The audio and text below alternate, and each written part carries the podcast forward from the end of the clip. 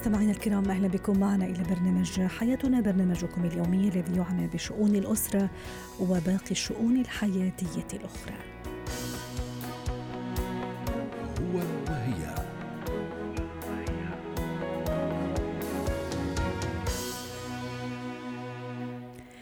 هل يؤثر فرق السن الكبير بين الزوجين على علاقتهما الأسرية وكيف يؤثر ذلك سواء كان إيجابا أو سلبا؟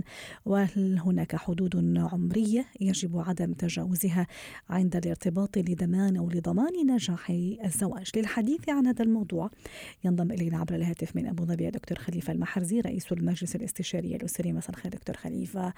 هل فارق السن يؤثر؟ وكما قلت كيف يؤثر إذا كان الأمر كذلك؟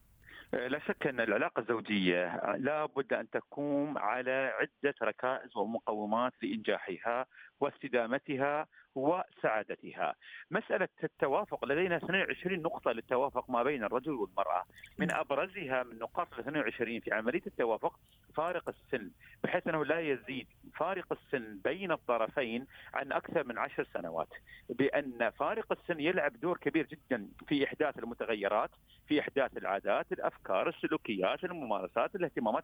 هذا الفارق لا شك أنه سيشكل عقبة بين الزوجين في إيجاد نوع من التصادم في نوع من الخلافات في نوع من عدم التفاهم في عدم التبادل لأن كل إنسان يفكر كل إنسان بمرحلة عمرية له احتياجات تختلف عن الاحتياجات الأخرى. ولذلك وصيه النبي محمد اللهم صل وسلم عليه هلا ذكر تلاعبها وتلاعبك. فبالتالي هذه وصية لمن؟ لجابر بن عبد الله. بحيث أنه يأخذ إنسانا ذكر تتناسب مع عمره مع احتياجاته مع رغباته. ما الذي يحدث إذا كان فارق السن كبير دكتور خليفة سواء بالنسبة للزوجة أو الزوج؟ هناك مثلا بعض السيدات أو بعض الفتيات يرغبن في الزواج من رجل كبير بحكم أنه قد يكون أيضا الأب في نفس الوقت وكان قد يكون مصدر الأمان في نفس الوقت. هل هذا الشعور عادي؟ هل هذا مطلب عادي أم أم لا؟ هذه نظرة للأسف خاطئة سواء عند الشاب إذا أراد أن يقترن بأمرأة أكبر منه نعم. أو بفتاة تريد أن تقترن برجل بمثل عمر والدها وهذه النظرة للأسف نظرة خاطئة ونظرة غير سليمة لأن عقباتها ونتائجها تكون جدا وخيمة من تجاربنا من الحالات اللي نتعامل معها بأن فارق السن لا يلعب دورا في إحداث الاستقرار ونوع من الأمان وإنما يحدث نوع من الفجوة والاحتقان العاطفي الرجل الكبير في طريقة تفكيره في طريقة تعامله في طريقة احتياجاته يختلف تماما عن حاجاته مع البنت الصغيرة. لكن هناك من يقول أن الرجل الكبير أيضا قد يكون له النضج الكافي الذي قد يعني يخليه يحتوي هذا الفتاة أو الزوج التي تصغره بسنوات عديدة. نظريا آه، قد يكون هذا الكلام منطقي لكن عمليا من خلال التجربة والممارسة لم نجد هذا التوافق موجود بين الأزواج وإنما المزيد من إحداث الخلل والفجوة في العلاقات الزوجية.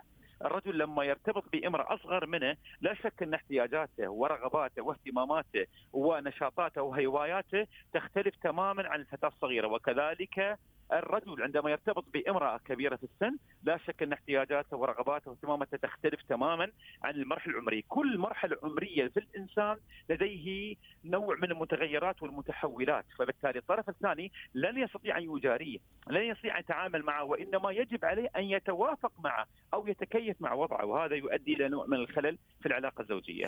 وحتى أيضا هل يؤثر هذا على موضوع الأولاد تربية الأولاد دكتور خليفة؟ يؤثر من جميع النواحي من الناحية كيف؟ التربوية من الناحية الجنسية من الناحية السلوكية من الناحية العقلية من الناحية الوجدانية. المتغيرات يمكن تصل إلى أكثر من 16 متغير بين الزوجين من جميع النواحي. من بينها أيضا النواحي التربوية. الرجل الكبير لن يكون لديه الوقت في قضية الاهتمام بأبنائه وإنما سيلقي باللائمه على زوجته سيلقي بالمسؤولية على زوجته. وبتقولين طيب الآن حتى الشاب الصغير لكن الصورة مختلفة تماما بين الشاب وبين الرجل الكبير. لذلك هناك الكثير من المتغيرات وكثير من الفجوات لن يستطيع الطرفان إيجاد نوع من التوازن بحكم الفارق الكبير في سنهما. وحتى أيضا أحيانا نظرة المجتمع دكتور خليفة تكون شوية يعني يعني مستصعبة أو يعني غريبة شوي بالنسبة لهم هذا الموضوع. وهذه نعم يعني واضحة في نظرة المجتمع من نظرة المجتمع ستكون نظرة قاصرة بالنسبة لهم ونظرة نعم. فيها نوع من العيب والخجل والسخرية بأن هذا الإنسان أخذت واحد قد أبوها أو والله واحد بتزوج قد أمه يعني هذه أقل كلمة تقال في المجتمع وهذا دلاله ومؤشر واضح على عدم الرغبة وعلى عدم الرضا وعلى عدم يعني الانطباع الإيجابي عن هذه العلاقات، أغلبها مرتبطه بمسألة المصالح. أكثر ما أنه ينظروا لها بنظرة معينة، عندما ترتبط فتاة صغيرة برجل كبير في السن في الستين والسبعين وهي في في العشرين، لا شك أن هذه فجوة كبيرة جدا، فجوة كبيرة ونتائجها وخيمة على نفسيتها، إلا إذا هي كانت لديها مصالح أخرى فهذا الأمر يختلف تماما، مبدأ التعويض. إذا هي كانت تبحث عن التعويض النفسي والتعويض العاطفي قد تجده لكن لن يكتمل هذا التعويض بصورة جيدة وإنما ستكون لها الكثير من الانعكاسات السلبية على العلاقة الزوجية القائمة بينهما.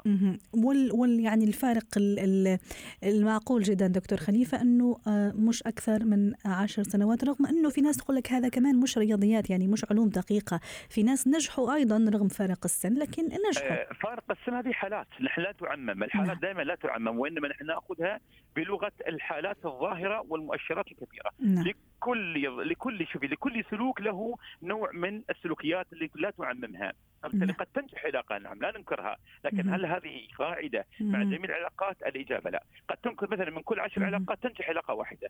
كلام نعم. صحيح. لكن هل هذا ستصبح قاعدة مع الجميع؟ الإجابة لا. لا شك أن هذا الزواج يسبب ترى كثير من الاهتزازات من الاهتزازات وعدم الاتزان بصورة جدا كبيرة بين الزوجين.